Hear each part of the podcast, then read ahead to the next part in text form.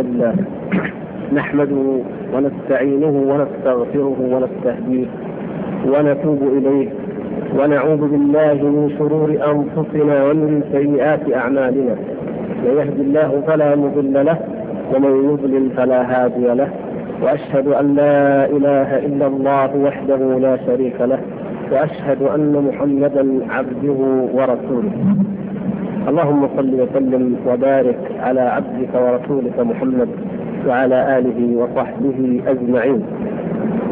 وبعد أيها الإخوة الكرام الله تبارك وتعالى خالق كل شيء. خلق الإنسان البشر وخلق الملائكة وخلق الليل والنهار وهو كما قال عز وجل وربك يخلق ما يشاء ويختار فاختار الله تبارك وتعالى كما يشاء من فضله على غيره من مخلوقاته. اختار محمدا صلى الله عليه وسلم وفضله على سائر البشر. وفضل بعض النبيين على بعض. واختار هذا البلد الحرام مكة وفضلها على جميع الأرض. واختار جبريل عليه السلام وفضله على الملائكة. واختار أصحاب محمد صلى الله عليه وسلم وفضلهم على الأصحاب وعلى جميع الأمة. واختار من الأزمان كما اختار من الأمثلة. فاختار هذا الشهر العظيم شهر رمضان وفضله على سائر الأيام والشهور. واختار أيضا من هذا الشهر العشر الأواخر. واختار من العشر ليلة القدر. فليس في في ليالي السنة ليلة هي أفضل من ليلة القدر وليس هنالك من ليال هي أفضل من الليالي العشر. وأما الأيام فإن أفضل أيام العام هي أيام العشر الأول من شهر ذي الحجة. تلك أفضل الليالي وهذه أفضل الأيام. كما جمع ذلك بعض العلماء ومنهم شيخ الإسلام رحمه الله تعالى. جمع بين الأقوال في التفضيل. وذلك أن لهذه الليالي لليالي رمضان فضل عظيم اختصت به من حيث العبادات. كما أن أيام الحج أعني النهار له وفيه من المزايا من العبادات في الحج ما لا يوجد في الليل. فالله تبارك وتعالى يخلق ما يشاء ويختار. وجعل هذا الليل والنهار جعلهما يتعاقبان عبرة لنا خلفة لمن أراد أن يذكر أو أراد شكورا. الإنسان يتبلد إحساسه وينسى ويغفل إذا كان على حالة واحدة. فإذا تغيرت الحالة بحالة أخرى كان ذلك أدعى إلى أن يفكر ويستيقظ وينتبه.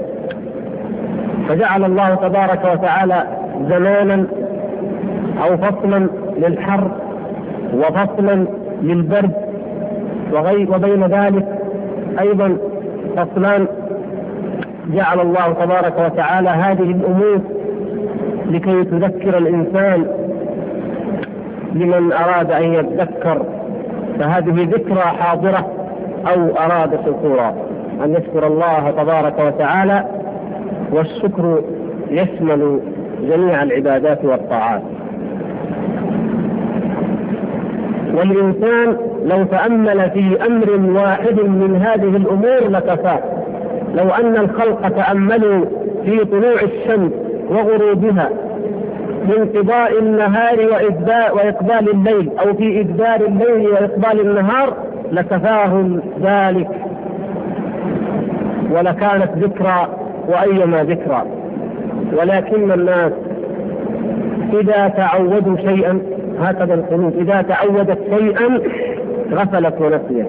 فكم من الناس يفكر ويعتبر بمرور الليل والنهار؟ لماذا؟ لأنه أمر متعود متكرر. ولكن أولياء الله وعباد الرحمن ومن كان قلبه معلقا بالدار الآخرة لا تزيده إلا عبرة وعظة.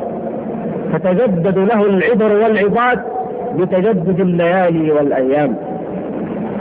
فما هذه الأيام والليالي إلا رواحل. تنقلنا من دار إلى دار. تقربنا من دار هي الدار الآخرة.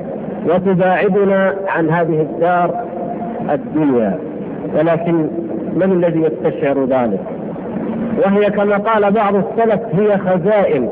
الأيام والليالي خزائن. فضع في خزينتك ما شئت. فسوف تلقاه.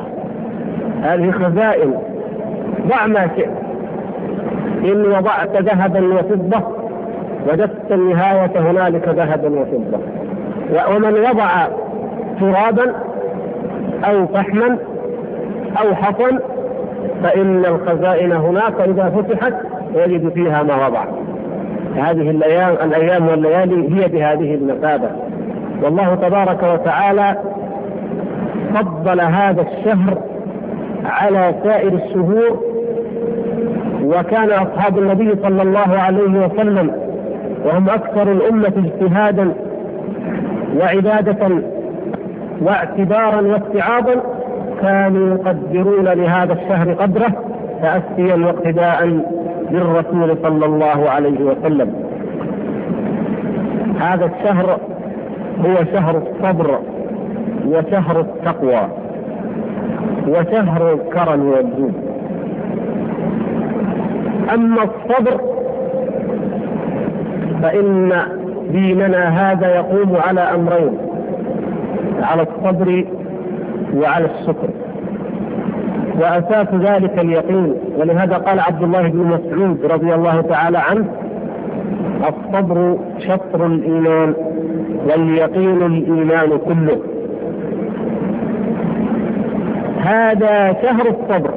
يصبر الإنسان على الطاعة ويصبر عن المعاصي. فإنه يفصل نفسه يفصل شهوته يفصل جوارحه ويكف كل ما كان يستمتع به كما أمر الله تعالى وكما شرع إلى أن يأذن الله بأن يستمتع ويأكل. وهو شهر الجهاد والجهاد من الصبر ورسول الله صلى الله عليه وسلم غزا في هذا الشهر غزوتين هما أعظم الغزوات جميعا. الأولى غزوة بدر فإن الرسول صلى الله عليه وسلم خرج من المدينة في ثاني عشر من شهر رمضان من السنة الثانية للهجرة. وهو أول رمضان صامه صلى الله عليه وسلم وفي اليوم السابع عشر منه كان يوم الفرقان وكانت معركة بدر الكبرى التي خلدها الله تبارك وتعالى في القرآن ورفع أصحابها عن سائر الأمة. والغزوة الأخرى هي فتح مكة المشرفة هذا البلد الحرام الأمين. جاء إليها النبي صلى الله عليه وسلم وأصحابه وكانوا في شدة الحرب ولهذا أمرهم النبي صلى الله عليه وسلم بالإفطار شفقة عليهم حتى أنه لم يكن حينئذ صائما إلا رسول الله صلى الله عليه وسلم وعبد الله بن رواحة رضي الله تعالى عنه. إذا هو شهر الصبر. وشهر التقوى. والله تبارك وتعالى يقول يا أيها الذين آمنوا كتب عليكم الصيام كما كتب على الذين من قبلكم لعلكم تتقون. والتقوى هي غاية كل عبادة. إن الله تبارك وتعالى لا ينظر إلى صورنا ولا أجسامنا ولكن ينظر إلى قلوبنا وإلى أعمالنا كما صح بذلك الحديث عن رسول الله صلى الله عليه وسلم. العبرة بالتقوى وليست بمجرد الإمساك عن الطعام والشراب أو بمجرد الانحناء كهيئة الركوع والسجود أو بمجرد أن يذبح الإنسان أو يحج ويتصدق. لن ينال الله لحومها ولا دماؤها. ولكن يناله التقوى منكم. الأساس هو التقوى لعلكم تتقون.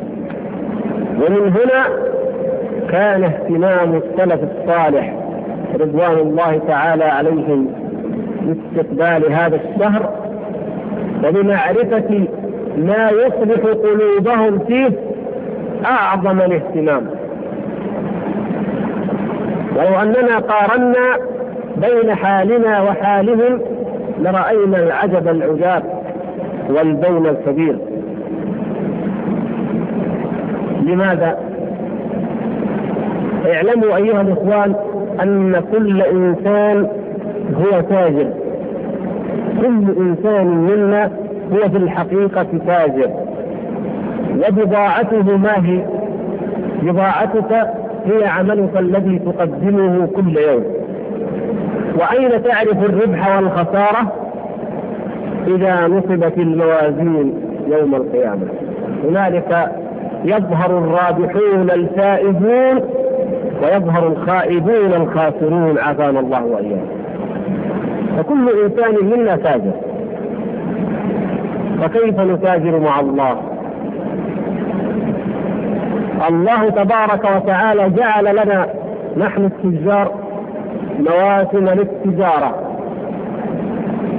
كل أيام العام فيها تجارة لكن هنالك مواسم زمانية مواسم زمانية يعني كشهر رمضان هذه مواسم للتجارة تضاعف فيها الأرباح وتكون التجارة فيها أعظم منها فيما سواه وجعل مواسم أيضا مكانية لهذه التجارة فهنالك أمكنة التجارة فيها أرباحها مضاعفة أضعافا كثيرة عن غيرها من الأمكنة. فالبلد الحرام الطاعة فيه مضاعفة. الصلاة في المسجد الحرام ليست كالصلاة فيما سواه. لماذا؟ لشرف المكان. وأيضا فإن شرف الزمان كما هو الحال في شهر رمضان له أثره في أن تكون الطاعة أيضا أكثر أجرا وأكثر قبولا. فجعل الله تعالى هذا الشهر موسما لذلك. ولهذا لما علم الجيل الأول بهذا ظهر أثر ذلك في أعمالهم وفي حياتهم. ورد أن الصحابة الكرام كانوا يدعون الله تبارك وتعالى ستة أشهر أن يبلغهم رمضان. فإذا صاموه دعوا الله تبارك وتعالى ستة أشهر أن يتقبل منهم رمضان. فالحول كله تفكير في رمضان واهتمام بشأنه. إما استقبال له وإما رجاء أن يتقبل لأنه أشرف ما في الحول ما في العام. ماذا كان يعمل؟ كيف كان يتاجر الصحابة الكرام والجيل الأول طوال العام؟ الذكر؟ نعم. الجهاد؟ نعم. قراءة القرآن؟ نعم. الصدقة؟ نعم. التفكر في ملكوت السماوات والأرض؟ نعم. كل ذلك كانوا يتاجرون فيه.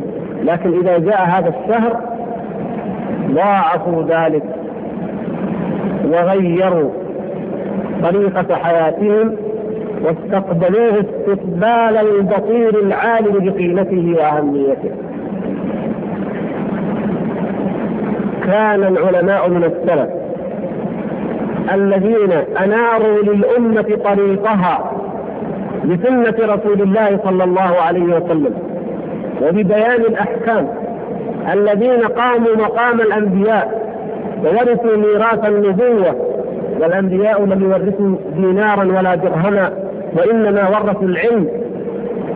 هؤلاء العلماء كانوا إذا جاء شهر رمضان تركوا العلم وتفرغوا لقراءة القرآن. حتى قال بعضهم القرآن والصدقة إنما هما شيئان القرآن والصدقة. كان الإمام الزهري رحمه الله تعالى كذلك وكان الإمام مالك وهو من تعلمون منزلته وقيمته واهتمامه بحديث رسول الله صلى الله عليه وسلم وتعظيمه له حتى أنه كان لا يحدثهم إلا وهو على وضوء ويبكي ويخشع. وكان يقدر ويجل حديث رسول الله صلى الله عليه وسلم ومع ذلك كان إذا جاء رمضان إذا دخل رمضان لم يشتغل بالحديث ترك الحديث وأقبل على القرآن. وكذلك كان سفيان الثوري رضي الله تعالى عنهم أجمعين وغيرهم من السلف كثير. كانوا ينظرون إلى أن موسم الخير هذا نترك فيه الأعمال وإن كانت فاضلة إلى عمل هو أفضل منها. هذا حالهم وهذا شأنهم. فكيف يستقبل المسلمون اليوم شهر رمضان. لنكن صرحاء ولنبدا بأنفسنا كيف نستقبل شهر رمضان. الأمة الإسلامية أشكال وأنواع. تجار وموظفون وعمال وأصحاب شهوات وأيضا أخيار الأتقياء والحمد لله. قلة. ولكن فيها الخير والبركة بإذن الله. لكن في الجملة كيف نستقبل هذا الشهر؟ كيف يستقبل التجار هذا الشهر؟ التجار الذين يتاجرون بالدرهم والدينار لا بالأعمال فكلنا تاجر بها لكن بالدرهم والدينار. كيف نستقبل شهر رمضان؟ أنقول قد جاء شهر الخير والبركة. هل نتصدق؟ هل نؤدي الزكاة؟ هل نتحرز من الحرام من الغش من الربا؟ لأننا في شهر عظيم وإذا صمنا ودعونا الله تبارك وتعالى ونحن نأكل الحرام من أي مصدر كان فإن حالنا كحال ذلك الرجل الذي ذكره النبي صلى الله عليه وسلم أشعث أغبر يمد يديه إلى السماء يا رب يا رب ومطعمه حرام. ومشربه حرام وغذي بالحرام فأنى يستجاب لذلك. أعجب من ذلك أن بعض التجار ينتهز ينتهزها فرصة لزحمة الناس ولكثرتهم ولإقبالهم على المطعوم والمشروب وسائر الكماليات فينتهزها فرصة للغش في شهر رمضان. وقد يأتي الغش بألوان متعددة. من الغش التخفيضات الكاذبة ومن الغش إخراج البضاعة التي تقادم عهدها وانقضى أوانها. فيقول هذا رمضان للناس تشتري ما تفتح. أخرجوا كل ما في المستودعات بيعوا. فيكون موسما للغش وموسما للتجارة الخاسرة في الدنيا والآخرة نسأل الله العفو والعافية وأما الشهوات فماذا نقول عن الشهوات؟ كيف نستقبله؟ شهوة الطعام سبحان الله ما من شهر تتوالى النذر فيه عن قلة الطعام والشراب أو احتمالها كشهر رمضان. ولهذا تتوالى البشائر بأن الطعام موجود وأن المخزون كافي. في شهر الصوم في شهر العبادة كل منا يشفق أن لا يجد في رمضان ما يكفيه من بعض المؤن. ولهذا نستعد من أول شعبان أو في آخره لنجمع أكبر ما نستطيع مما نتزود به لرمضان حتى أن البيت الواحد قد يشتري ما يكفي ثلاثة بيوت لماذا؟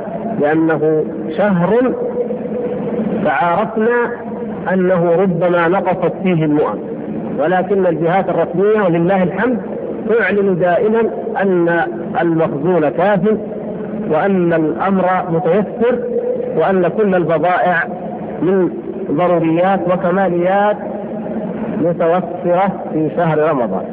وكأننا مقبلون على شهر مأمورون فيه أن نعد من الشهوات عدا وأن نملأ البطون كل ساعة وكل حين وليس هو شهر الصيام الذي كان يستقبل الصحابة الكرام كانوا يستقبلونه بالفرح. نعم الفرح. الفقراء وأصحاب الحاجة كانوا يسرون في رمضان في جميع العصور وفي أغلب الأوقات. لماذا؟ يجدون أنهم هم والأغنياء سواء. أما الآن فالفقير والله يزداد حسرة على حسرة. الفقير الذي ينفق في شهر غير رمضان ألف ريال يضطر أن يستدين في رمضان ويقول للتجار دينوني رمضان جاء وما عندي شيء. لأنه سيشتري بدلا من الألف ألفين أو ثلاثة. لأن رمضان. وإلا لذهب هو وعياله في حسرة مما يرى الناس يتفننون فيه من أنواع الأطعمة وهو على التمر والخبز كأنه في الفطر. هذا واقعنا وأشنع من ذلك وأشد أصحاب الشهوات المحرمة عافانا الله وإياكم. رمضان عند أصحاب الشهوات المحرمة فرصة وموسم كبير يستعدون له قبل رمضان بأشهر. نعم. أصحاب السهرات يفكرون أين تكون الجلسات والسهرات في رمضان. أصحاب الإجازات يقولون نأخذ الإجازة في رمضان ونغادر إلى خارج البلاد لنعد من الشهوات كما نشاء. نسأل الله العفو والعافية. في وسائل الإعلام لأننا نريد الشهوات ولأن فيها من يريد أن نتبع الشهوات يستقبل هذا الشهر بأخبث المسلسلات والتمثيليات وأطول السهرات. في الصحافة أينما ذهبت تجد الكل يذكرك بهذا الشهر فلتعد عبدا. كل ما تراه أمامك إلا ما رحم ربك لا يشد إلا إلى الشهوة والمعصية وإن لم يكن ذلك فهو إلى الشبع وإلى النوم والكسل. فتعاون علينا شياطين الجن وشياطين الإنس ليضيعوا منا هذا الموسم العظيم. إلا ما رحم ربك وقليل ما هم. كيف نستقبل هذا الشهر العظيم؟ كما استقبله أولئك الجيل الذين اصطفاهم الله تبارك وتعالى على جميع الأمة. لا بد أن نسأل أنفسنا هذا السؤال وأن نعد الإجابة. إن كنا حقا نغتنم أوقات الخير وفرص الخير ومواسم الخير ونتاجر مع الله ونريد أن أن تكون تجارتنا معه رابحة مربحة فلنعمل كما عملوا والطريق أمامنا أمامنا ميسر ولله الحمد. فلنستعد لشهر رمضان بإيمان صادق بالله سبحانه وتعالى. وقد تقولون نستعد بالإيمان أولسنا مؤمنين؟ نحن مؤمنون إن شاء الله. ولكن يا أيها الذين آمنوا آمنوا. هكذا خاطب الله أصحاب نبيه صلى الله عليه وسلم. نؤمن بالله. نجدد هذا الإيمان في قلوبنا. نجدد توحيدنا. ننقي قلوبنا من الشوائب. من الرياء. من النفاق. فأول ما نفتش عنه ليس البطن وماذا نعد له وإنما القلب. وماذا نعد له؟ وكيف يستقبل هذا القلب؟ هذا الشهر العظيم. الصيام الذي هو الإمساك عن المفترات عن المفطرات من طلوع الفجر إلى غروب الشمس هذا كل من يصوم من المسلمين يشتركون فيه. لكن الصيام الحقيقي الذي يجب أن نعد أنفسنا له ونوطن قلوبنا عليه هو أن نطهر قلوبنا وأن نزكيها وأن تصوم هذه القلوب عما حرم الله تبارك وتعالى. إذا كان الشرك والرياء والنفاق وما أشبهها إذا كانت كبائر ومصائب في الفطر في شعبان أو رجب فهي في رمضان أعظم وأعظم. فلنستقبل هذا الموسم بقلوب خالية من ذلك إذا كان الغش والغل والحقد والحسد للمسلمين والشحناء والبغضاء والعداوات بين الإخوان وبين الأرحام وبين الزملاء وبين الجيران إذا كانت حراما في سائر العام وهي كذلك فهي في رمضان أشد حرمة ويجب أن ننتهز هذه الفرصة لنقلع عن هذه المحرمات التي تأكل قلوبنا تشغل قلوبنا وتأكل حسناتنا إذا كان النظر إلى المرأة الأجنبية حراما في سائر العام فهل يراه الصائم؟ هل يستحله الصائم في الليل أو في النهار؟ لا. هو حرام في هذا الموسم وقبيح أن تجعل أن تجعل موسم الطاعة كغيره. في الطاعة لا يليق بك أن تجعل موسم الطاعة كما كغيره ممن ليس موسما في الطاعة فكيف إذا جعلته أقبح للمعصية نسأل الله أن يعافينا وإياكم. إذا صام القلب عن الشهوات المحرمة وصامت الأذن عن سماع الحرام وأكثر المسلمين لا تصوم آذانهم لا في رمضان ولا في غيره. وكيف تصوم الأذن؟ ومزمار الشيطان المزمار المعازف الموسيقى لا يكاد يخلو منها بيت. بل ولا ربما لا يكاد يخلو منها سيارة. هل صامت الأذن؟ ما صامت هل صامت عيوننا؟ كيف تصوم والإنسان لا يكاد يفطر إلا ويشد إلى تلك المناظر المحرمة وربما امتدت السهرات إلى طلوع الفجر إلى وقت السحر. ثم بعد ذلك يكون النوم ويكون الخذلان. كيف يكون حال حال أسواقنا في هذا الشهر العظيم؟ تعمر بما لا تعمر به في سائر الأيام. ويا ليت أنها تعمر فقط للبيع والشراء. ولكن للمعاصي للتبرج للسفور والاختلاط بالنظرات المحرمة وبالغش وبالنجش وبالغبن وبما لا يرضاه الله تبارك وتعالى حتى أن الإنسان إذا رأى هذه المناظر لا يصدق أنه في رمضان وأنه في أمة الإسلام. ولو كنا نستقبل هذا الشهر استقبال المؤمنين الأوابين لكان أول ما يخف ويقل حتى يكاد يتلاشى هو الأسواق.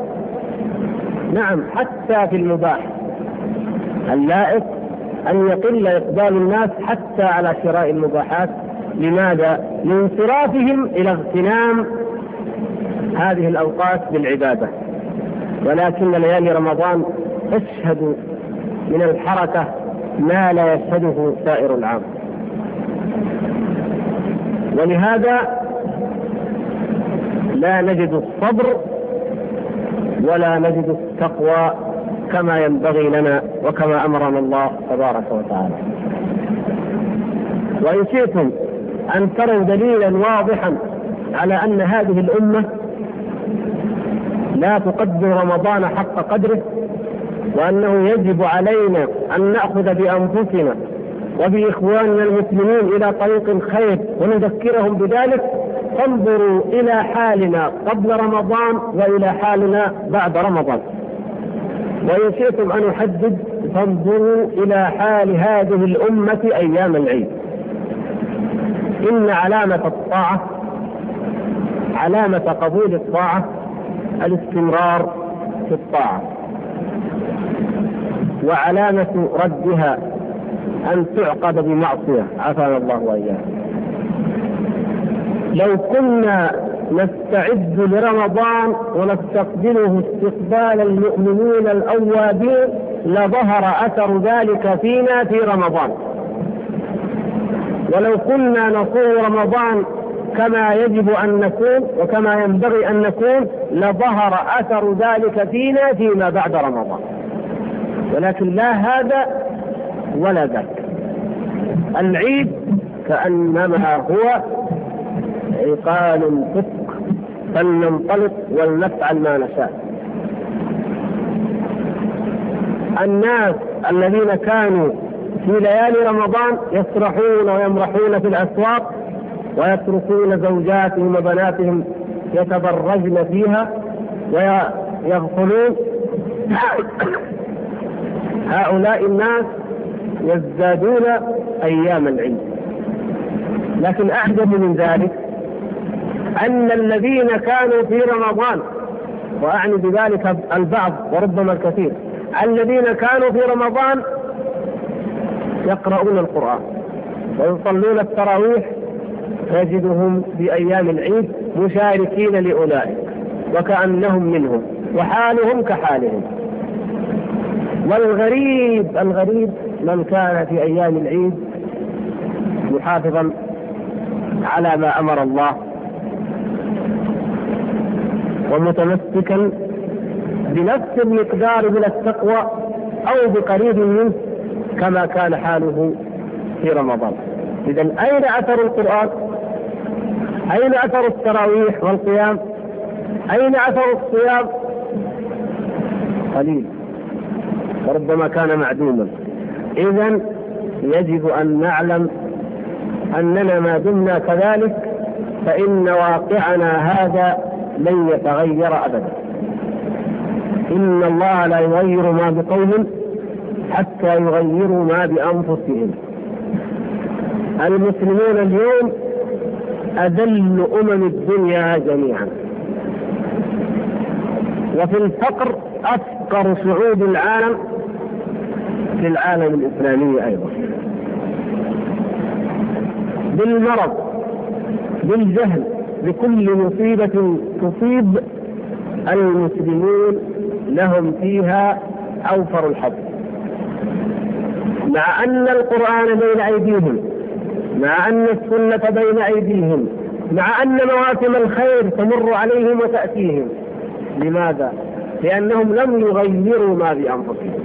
لو صاموا حق الصيام لتغيرت حياتهم.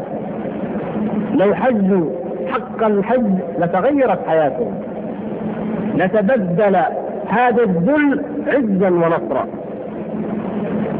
لعاقب هذا الخذلان توفيقا وسدادا.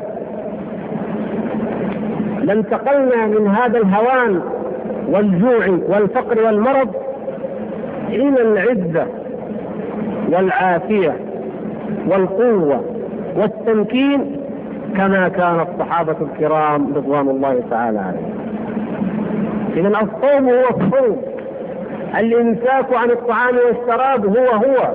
لم يتغير في الجيل الأول وفي هذا الجيل. لكن أين القلوب من القلوب؟ وأين الأعمال من الأعمال؟ وأين الصيام من الصيام؟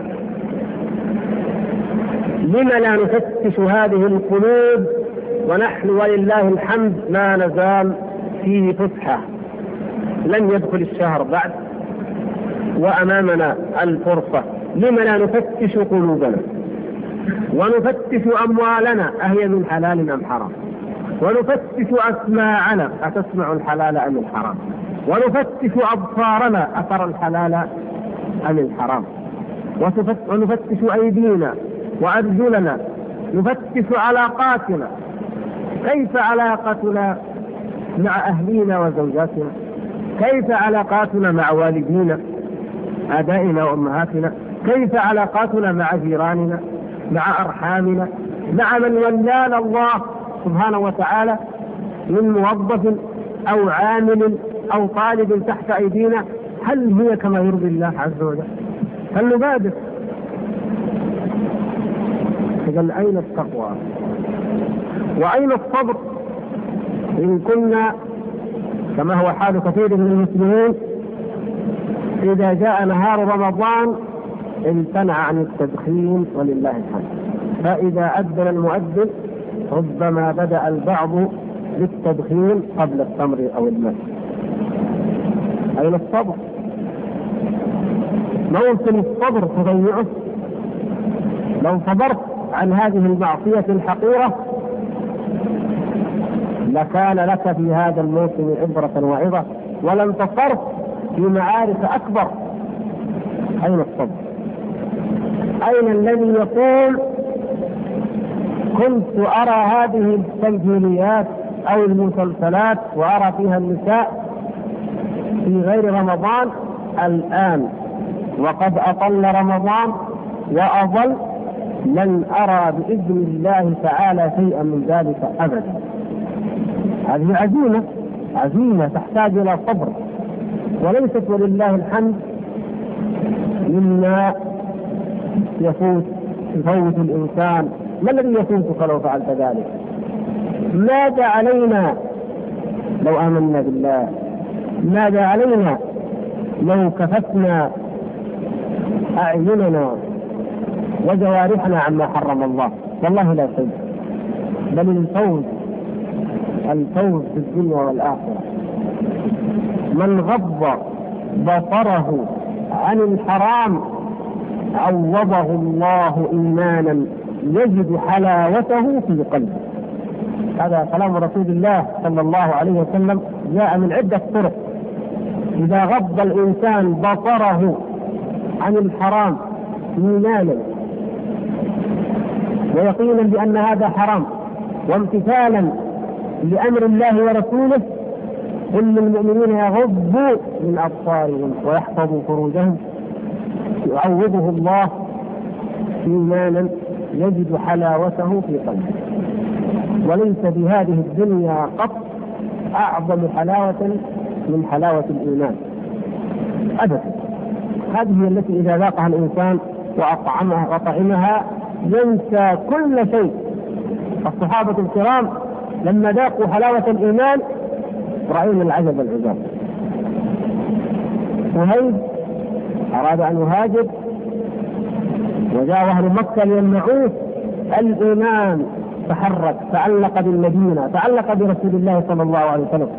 فشرى نفسه منهم بماله كله في مكة. خذوا كل ما أملك ودعوني فقط فقط بهذا الجسد الذي لا شيء عليه. لماذا؟ لأذهب إلى رسول الله صلى الله عليه وسلم. الإيمان إذا تحرك. سلمان رضي الله تعالى عنه لما حركه الإيمان أخذ يسأل الركبان ويخدم الأحبار والرهبان يريد أن يرى أين هذا أين نبي آخر الزمان حتى رأى رسول الله صلى الله عليه وسلم وآمن به وصدق. كل لذات الدنيا ونعيمها لا يساوي أن تذوق طعم الإيمان وأن تذوق لذة الإيمان. الصحابي الذي كان يقرأ فذاق من طعم القرآن من حلاوة الإيمان وهو يقرأ القرآن ما شغله عن السهام يخرق جسده بسهل وراء سهل وهو واقف منتصب لم يكف عن قراءة القرآن. يا إخوان طعم الإيمان والله غالي. وكل إنسان يمكن أن يجد من مطعومات الدنيا ومشروباتها ما يشاء ولكن طعم الإيمان فضل يختص الله تعالى به من يشاء.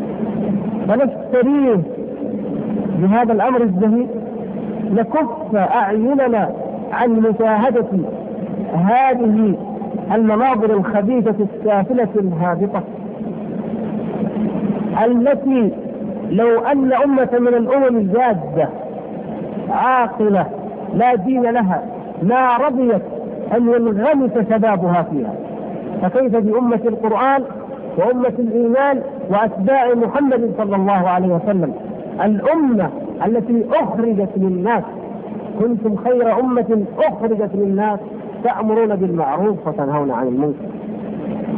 واجب هذه الأمة أن تحارب الفساد والانحلال والإباحية في أمريكا وفي روسيا وفي الشرق والغرب. واجب عن واجب على هذه الأمة. فكيف هي تعرضها وترضى بها وتراها وتسمعها حتى أن الشاب الغريب المستنكر الذي لا يراها عجيب ما عنده؟ ما هذا عجيب شاب مستنكر حتى في أوقات الخير وحتى في مواطن إذا نحن لسنا أهلا لأن نتاجر مع الله في مواسم الخير هذه ونحن بهذه الحال وبهذه المكانه الفرصة الفرصة والبدار البدار. هذه أيام تمضي شاهدة لنا أو علينا. والحجة قائمة. وإن كانت في مكان ما أو في بلد ما قائمة فهي في هذه البلاد أكثر قياما ولله الحمد. نحن إن شئنا الحق والله ليس المسلمون في بعض البلاد يصومون ويفرض عليهم أن لا يصوموا يقرؤون القرآن ويفرض عليهم أن لا يعملوا. ولا يجدون العلم الصحيح ولا يجدون الدعوة الصحيحة. ونحن من فضل الله علينا العلم موجود الوقت موجود المال موجود الأمن موجود كل ما ييسر لنا العبادة متيسر وموجود. وحلقات الذكر موجودة ولله الحمد. وتعليم القرآن موجود لله الحمد في شهر القرآن. كل ما نريد متيسر. وإن كان في بعضها شيء من المشقة فما أعظم المشقة إذا كانت في موسم الخير كما أننا في مواسم الدنيا قد نسهر فلا ننام نقول إذا انقضى الموسم نمنع فكذلك في مواسم الخير هذه فنحن الحجة قائمة والعلم بين أيدينا ظاهر لا من حرام حرمه الله ورسوله ونرتكبه إلا ونحن والله نعلم أنه حرام. ولهذا نخشى العقوبة. نخشى العقوبة لأنه لا حجة لنا عند الله ولا عذر بين يدي الله، عافانا الله واياكم. ماذا نريد؟ كل ما يظن بعض الناس أنه لا بأس به أو قد يظن أنه فيه خلاف أو أنه نسمع العلماء إن شئنا أن نسمعهم في الاذاعه إن شئنا سمعناهم في الاشرطه المسجلة إن شئنا اتصلنا بهم بالتليفون الهاتف أي وسيلة فيقولون حرام وياتون بالأدلة.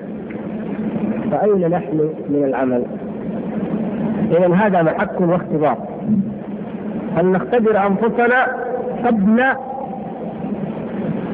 أن يأتي هذا الشهر ولنعدها والفرق بين المؤمنين وبين المنافقين أن المؤمنين يعدون العدة وقد لا يبلغون ما يريدون. أما المنافقون نسأل الله العفو والعافية. فإنهم لا يعدون العدة ولهذا قال الله تبارك وتعالى عنهم ولو أرادوا الخروج لأعدوا له عدة. المنافقون لو أرادوا الخروج لو كانوا فعلا وحقا يريدون الخروج لأعدوا له أخي على طريق الحق هنا منتصف الشريف. فإن ذلك يظهر في إعداده للعدة. ثم قد لا يبلغ الشهر وقد لا يكمل الشهر وقد يقصر في العمل. نعم وحالنا كلنا كذلك لكن إذا أعددنا العدة أن نطيع الله في هذا الشهر وأن نتقي الله فيه وأن نجبر أنفسنا عن كل ما حرم الله ونجعله فرصة لنطيع الله طوال العام وإلى أن نلقى الله. إذا عزمنا على ذلك وفقنا الله سبحانه وتعالى وكان هذا من صدق الإيمان ومن صدق الاستقبال لهذا الشهر العظيم. وإذا أخلصنا عياذا بالله ولم نعد العدة فمهما منينا أنفسنا فإننا لن نحقق ولن نرى نتيجة هذه الأماني إلا الخسارة. ونعوذ بالله من خسارة الدنيا والآخرة. ولا خسارة أكبر من أن يخسر الإنسان نفسه ووقته ويجوع ويعطش وهو غاية ما فيه أنه أجزأه هذا الصوت مع أن من الناس من قد لا يجزئه قومه إذا ارتكب عياذا بالله ما يفسد عليه إيمانه كشرك بالله كنفاق كلي نسأل الله العفو والعافية. هذا يفسد الإيمان كله ويحبطه كله. لكن لا يلغص الصيام من المعاصي والشهوات وتعلق القلب بالمحرمات. هذا إن لم يذهب الأجر كله فإنه غاية ما فيه أن يكون قد أجزأه أنه صار وهذه خسارة وغبن إذا نظرت إلى ذلك الذي عمل واجتهد فادخر عند الله سبحانه وتعالى أعظم الذخر الذي أعتق من النار الذي رفعت درجته عند الله سبحانه وتعالى وهي أيام وهي ليالي مرت بي وبه ولكن فتان ما بين حالي وحالي. يا أيها الإخوان أكرر أن نفعل الوصية لنفسي أولا ولكم جميعا أن نتقي الله تعالى في رمضان وفي غير رمضان. وأن نعد العدة لاستقبال هذا الشهر العظيم بإيمان صادق وإخلاص لله سبحانه وتعالى وعمل صالح وتجارة رابحة بإذن الله مع الله تبارك وتعالى وأن نكف أنفسنا عما حرم الله وأن نأمر بالمعروف وأن ننهى عن المنكر وأن نكون رسل خير وهداية مذكرين واعظين لإخواننا المسلمين بما قد لا يعرفونه من حرمة هذا الشهر ومن فضله و خيره نسأل الله سبحانه وتعالى أن يتقبل منا ومنكم وأن يتوب علينا وعليكم وندع الوقت الباقي للأسئلة إن شاء الله. خير وهنا بعض الأسئلة. نأخذ منها ما يتعلق برمضان وإن شاء الله إن بقي شيء من الوقت نعرض بقيتها. يقول السؤال الأول فضيلة الشيخ يستدل بعض الناس في حديث أبي هريرة الصحيح الصلوات الخمس والجمعة إلى الجمعة ورمضان إلى رمضان مكفرات لما بينهم ما لم ترتكب الكبائر. يستدلون به على أن صغائر الذنوب تمحى بدون توبة منها فما مدى صحة هذا الرأي وما قولكم لمن يرتكب الصغائر ولا يتوب منها ويحتج بهذا القول؟ وما التوفيق بينه وبين حديث إياكم محقرات الذنوب نرجو التوضيح والله يحفظكم. نعم الحديث صحيح وهو من البشائر للمؤمنين كيف يكون من البشائر؟ كيف نفهمه حق الفهم؟ كل بني آدم خطاء الصغائر لا يكاد يسلم منها أحد ولهذا جعل الله تبارك وتعالى لنا الصلاة إلى الصلاة ورمضان إلى رمضان والجمعة إلى الجمعة مكفرات لما بينها إذا اجتنبت الكبائر إذا لم تغفر الكبائر. الناس العباد الصالحون المؤمنون لا يزنون لا يسرقون لا يكذبون لا يرابون لا يسمعون الغناء إلى غير ذلك لأنها محرمات ظاهرة وكبائر واضحة. لكن قليل من يسلم من نظرة من شيء من الصغائر التي قد لا يلقي لها بالا من غمزة أو همزة أو كلمة أو حركة لا يلقي لها بالا. فإذا إذا اجتهد الإنسان إذا أدى الصلاة صحيحة بقنوت وخشوع.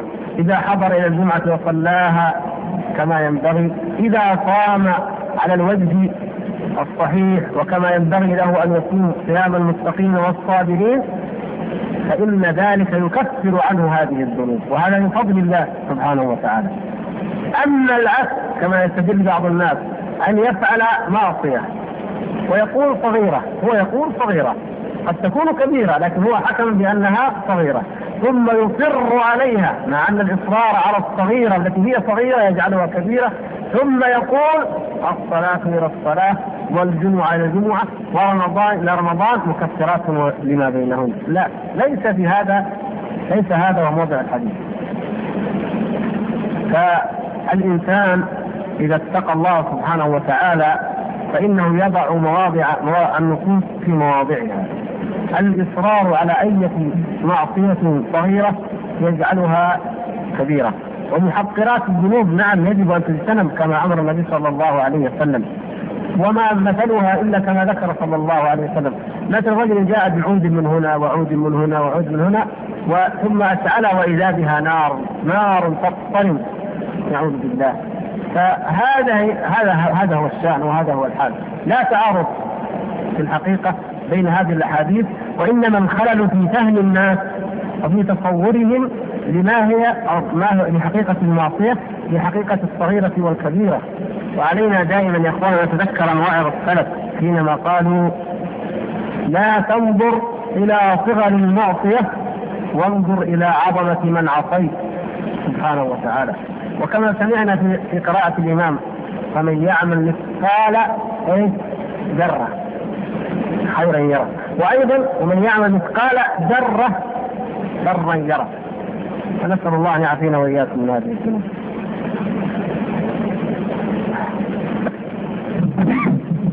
سؤال آخر يقول ما الأعمال التي ورد أن النبي صلى الله عليه وسلم كان يفعلها ويحرص عليها في رمضان أعني ما ورد من السنة الصحيح نعم.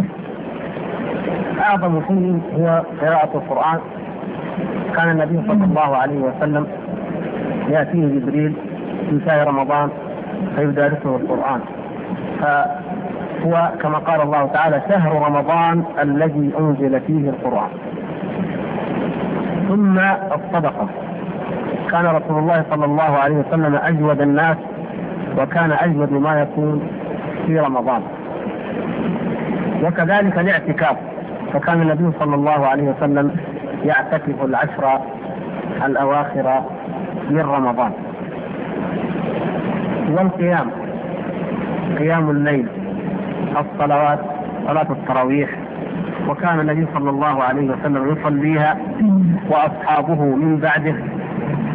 كما تعلمون تفصيل ذلك ولله الحمد. فهذه أهم وأبرز ما كان النبي صلى الله عليه وسلم يعمله ويواظب عليه. إضافة إلى ما ذكرنا من الصبر فإن النبي صلى الله عليه وسلم وأصحابه كانوا يعرفون أن رمضان شهر الصبر فكان صبرهم عظيما على أعباء الدعوة إلى الله وعلى أعباء الجهاد وعلى طاعة الله وعن معاصي الله وعلى أقدار الله. كل ذلك كان هو صلى الله عليه وسلم وأصحابه أيضا يبلغون فيه في الصبر غايته في شهر رمضان الذي هو شهر الصبر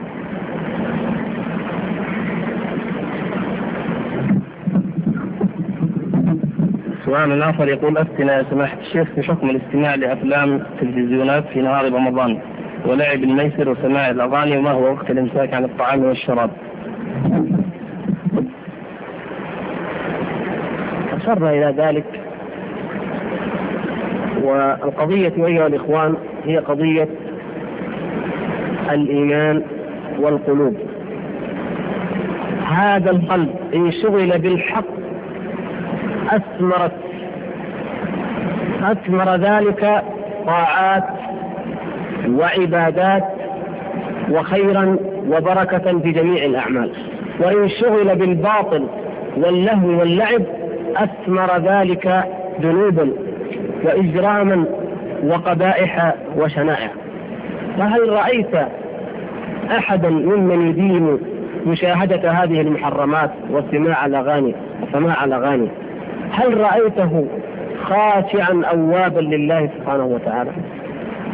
أم أنك لو لو وجدت لو رأيت مجرما محترفا وسألته عن حاله لوجدته مدمنا لهذه المحرمات؟ ثمرة كل شيء بحسبه. هذه القلوب جعلها الله تبارك وتعالى مقرا ومستودعا للإيمان به ولذكره. أشرف ما في الإنسان قلبه وهذا القلب أعظم وأشرف ما يجب أن يشغل به هو معرفة الله وتقوى الله والتعلق بالله هو التفكر في خلق الله وفي أمر الله. جاء شياطين الإنس والجن فأشغلوه بالملهيات وبالمغريات في رمضان وفي غير رمضان فتعلقت قلوب الناس بالشهوات. حتى قرأنا قبل أيام وكلكم قرأتم من يطالبون. ونحن في استقبال شهر رمضان بمسرح أن توجد مسارح وأن يكون فيها نساء. وقالوا ما دمنا نرى المرأة في التلفزيون وفي الفيديو فلماذا لا نراها على المسرح؟ رقص أو تمثيليات أو اختلاط. يريدون أن يكون في المدن الرئيسية وفي كل مكان سياحي في هذه البلاد الطاهرة مسارح وما هي الحجة أننا نراها في التلفزيون وفي الفيديو؟ من الذي أحلها هنا حتى تستدل على ذلك هناك؟ استمراؤها واستمرارها وقلة إنكارها هناك جعلها حجة لمن يريدها في مكان آخر. فهذه المنكرات الظاهرة من أعظم ما يجب على الإنسان أن يخلص بيته ويطهر قلبه وعينه منها. إن كنا صادقين مع الله وإن كنا نخاف الله ونتقيه يجب أن نطهر أنفسنا وبيوتنا وأزواجنا وبناتنا وأولادنا من آثار ومن سموم هذه الملاهي الخطيرة لأنها تدمر الأمة وتدمر المجتمع. ولا تقولوا المسؤولية في هذا على المسؤول عن التلفزيون أو عن الإذاعة أو عن الأغاني لا. المسؤولية على الجميع على الجميع. كل ما يقدم فباسم المشاهدين يقدم. لماذا هذا الشيء؟ أكثر الناس يريدون وإن كانت أفلاما محرمة وإن كانت من النكات التي قد يكون فيها تعريضا بالدين أو استهزاء أو استخفافا أو أي شيء الناس يريدون. لماذا يعمر هذا الشهر العظيم بهذه الأمور وهي أقل ما فيها أنها له تصرف عن القرآن؟ قالوا الناس يريدون. صاموا وتعبوا ويريدون. فمن من الناس أنكر تأكدوا أن أي شيء ينكره في يوم واحد ثلاثون أو عشرون هذا يتصل بالتليفون هذا يبرق وهذا يكتب خطاب وكذا أنه ربما غير وقد غيرت بعض الأفلام وبعض المصائب غيرت لما استنكرها هذا وهذا وهذا. لكن لما استمرأناها جميعا وسكتنا أصبحنا نقول اللوم على من يعرضها. ولو سألت من يعرضها لقال أنا أعرض ما يريد الناس والناس ساكتون إذا المسؤولية على من؟ على الجميع. أنت الذي بنفسك تأخذ. ولو بقي الأمر في حدود ما يعرض عامة لقلنا ربما. لكن أليس الناس يشترون له كما يشاءون؟ يشترون الأفلام والأشرطة كما يشاءون وينوعون وفيها من الفساد غير ما يعرض عرضا عاما على الناس. هذا واقع الناس إلا من رحم الله. اذا الاستعداد لدينا نحن للشهوات موجود. لكن إذا سئلنا قلنا يا أخي إيش نسوي؟ الحق على اللي يعرضها وكأننا مجبورين. كأننا كتفنا بالسلاسل وربطت عيوننا وقيل انظروا ولا بد أن تنظروا. من الذي قال ذلك؟ أي أمر من المنكرات ومن الشر عزفنا عنه وتركناه يموت بذاته يحترق بذاته لا يقبل. لكن لو عرضت شرور وشبهات على هذه الأمة لأقدموا عليها. نحمد الله أن هناك موانع كثيرة تحول دون كثير من الشهوات وإلا لرأينا الإقدام عليها يفوق التصور لماذا؟ لأن الاستعداد في القلوب موجود فلا أحد يخفى عليه حرمة الأفلام هذه أو الميسر أو الأغاني في كل شهر وحين وهي في رمضان أشد وأغلظ كما ذكرنا. يقول السائل نريد من فضيلتكم أن تجعل لنا طريقة مثالية نقضي بها وقت رمضان من أول اليوم إلى آخره. حقيقة أنني مثلكم في التقصير وفي المعاناة ونسأل الله سبحانه وتعالى أن يعفو عنا وأن يغفر لنا وأن يبصرنا بعيوبنا. وليس هنالك من طريقة أفضل من طريقة النبي صلى الله عليه وسلم وصحبه والسلف الصالح. يعمر النهار بالصيام صيام الجوارح وصيام القلب أيضا وبقراءة القرآن ومدارسته والليل بالقيام. وتترك لهذه النفوس أوقات للراحة وكل بحسبه لا أستطيع أن أقول ضعها أربع ساعات أو ثلاث كل إنسان بحسبه وبقدر طاقته واجتهاده. فهو موسم خير. من يتنافس؟ فيه فلينافس بما استطاع كما يشاء. فليس هنالك من سورة محددة لذلك؟ وإنما أكرر في أمر هو أعظم ما في هذا الشهر. كما رأينا من سيرة النبي صلى الله عليه وسلم ومن سيرة السلف وهو القرآن. القرآن يا إخوان. حتى قال بعض العلماء إن ختم القرآن الذي يكره ولا ينبغي في أقل من ثلاث إنه مخصوص برمضان. ففي رمضان من استطاع أن يختمه في أقل فليفعل. يعني قال بعض العلماء بذلك قالوا لأنه شهر القرآن وشهر التفرغ للعبادة. فالمقصود أن أهم عمل يشغل فيه الإنسان يشغل فيه نفسه آناء النهار هو قراءة القرآن. وفي الصلاة الحمد لله سيصلي أيضا جماعة فيسمع القرآن. ففي الحقيقة كأن الشهر كله شهر قرآن. والفكر أن نتفكر فيما نقرأ وفيما نسمع. لأنها فرصة عظيمة أن نسمع كتاب الله تعالى كاملا مرة أو مرات في شهر واحد. أن ننظر ما أعظم ما نهى الله عنه في كتابه؟ ماذا حذر منه؟ ماذا أمر به؟ ماذا أوصى به؟ لأن هذا القرآن خطاب لنا أنزل لنا نحن يخاطبنا وليس مجرد آيات تسمع بالآذان ونقول صلينا أو سمعنا. هذا خطاب اعتبر كل ما تقرأ أو تسمع خلف الإمام خطاب من رب العالمين إليك.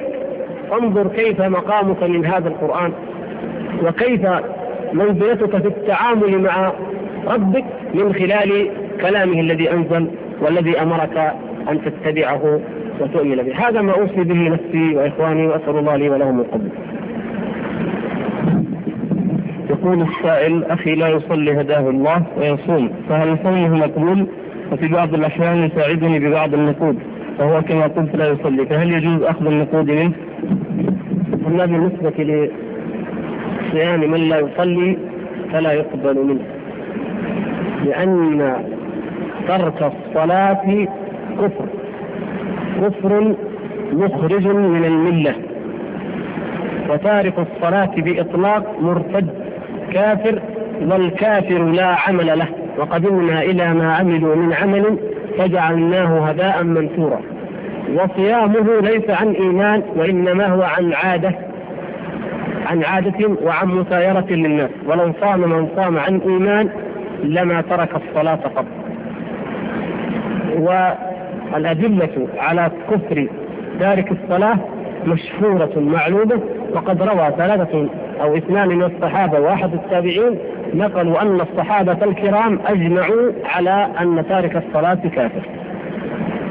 أما بالنسبة إلى المال وإلى النقود فإن كان هذا الأخ لا يجد نفقة إلا عن طريق أخيه الأكبر أو والده الذي لا يصلي فإنه يأخذ منه ولا حرج عليه إن شاء الله تعالى.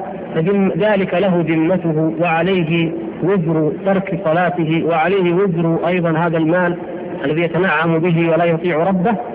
وأما ذلك فلا حرج عليه إن شاء الله. ولكن إن استغنى فهو خير له حتى يكون من كدح يده أو من مصدر صاف نقي والله أعلم.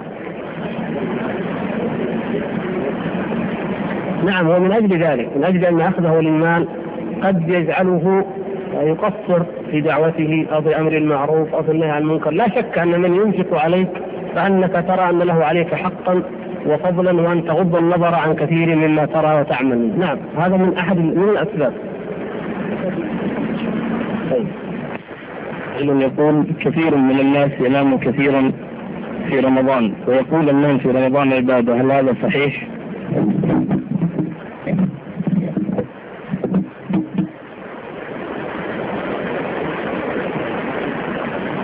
الحمد لله. النوم في رمضان بعض الناس يقول النوم في رمضان عبادة وبناء عليه فإنهم ينامون أكثر النهار. وينبغي لنا أن نعرف كيف يكون النوم عبادة وما معنى أن النوم عبادة لأن هذا مما يبتلى به عامة الناس أو أكثرهم في واقعنا الحاضر. النوم يكون عبادة في رمضان وفي غير رمضان إذا احتسب الإنسان نومته كما يحتسب قومته وذلك بأن ينام ليستعين بهذا النوم على طاعة الله سبحانه وتعالى. ومن قال من السلف النوم النوم نوم الصائم عبادة ما لم يغتب فهذا مرادهم به. مرادهم أن الصائم إذا لم يغتب أي إذا كف لسانه عما حرم الله فنام فهو مستمر في الطاعة. يعني لو صام الإنسان إلى الظهر صائم. ثم نام بعد صلاة الظهر مثلا إلى العصر فإنه مستمر في العبادة التي هي الصيام. ثم استيقظ إلى المغرب مثلا فهو صائم. فالصائم النائم صائم فهو إذا مستمر في العبادة. هذا بالنسبة للنهار. وفي الليل يحتسب النوم ليستطيع أن يقوم وأن يصوم أيضا. فيكون في هذه الحالة عبادة.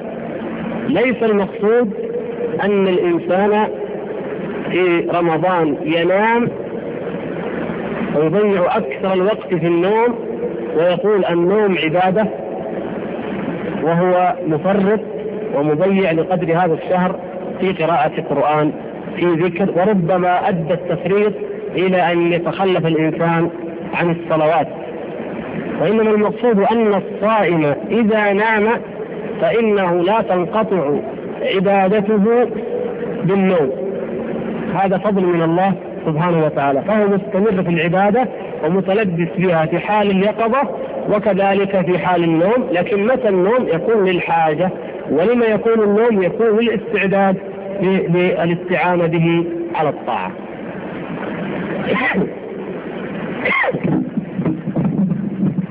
يقول السائل ما حكم الإفطار في رمضان في السفر؟ مع أن ذلك ليس مشقه علي في نظري أو عليه. ثم العلماء رحمهم الله تعالى اختلفوا في هذه المسألة. هل الإفطار أفضل أم الصوم أفضل؟ وله يجمع الأقوال ويترجح إن شاء الله أنه بحسب حال الإنسان.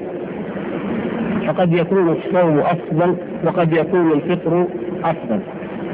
فمن وجد شيئا من المشقة أو الحرج فإن الله يحب أن تؤتى عزائمه ورخصه كما يحب أن تؤتى عزائمه أو كما يكره أن تؤتى معاصيه. فإنه يحبه الله أن تؤتى رخصه أيضا. فليأخذ برخصة الله سبحانه وتعالى.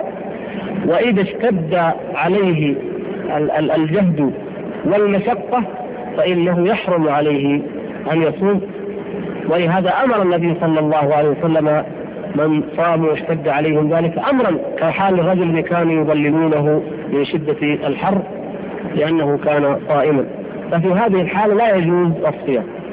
وأما من لم يكن عليه في ذلك أدنى حرج ولا مشقة والأمر عادي في في في حسه وفي آه، نظره ولله الحمد فإننا لا نستطيع أن نلزمه بأن يفطر.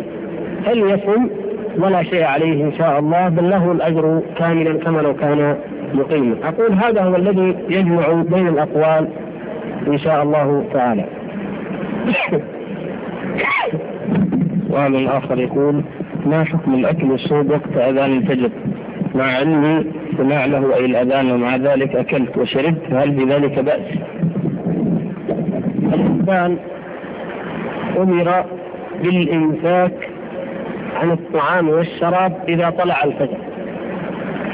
فلهذا إن كان المؤذن يؤذن لا يؤذن إلا وقد طلع الفجر فمن أكل أو شرب بعد ذلك فإنه أكل في وقت الصيام وهذا لم يصم.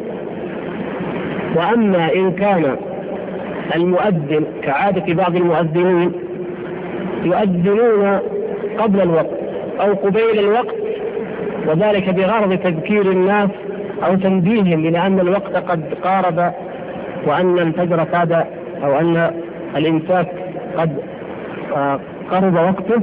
ويعلم أن هذا الإمام أو هذا المؤذن يفعل ذلك فهذا لا حرج عليه. الأساس هو طلوع الفجر وليس الأذان. وقد يؤذن بعض الناس مبكرين وقد يؤذن بعض الناس متأخرين العبرة والمدار على طلوع الفجر وليس على الأذان.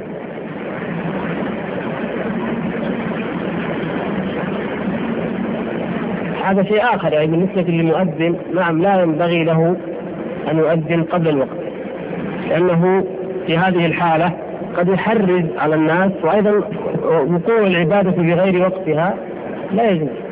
لكن نحن نتحدث عن واقع.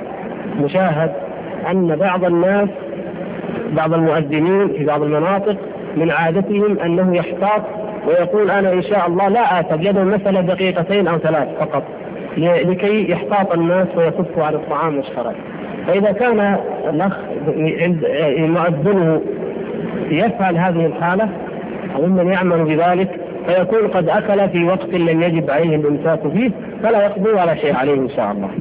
إذا في شيء الشيخ تفضل إذا في أي زيادة عند الإخوان.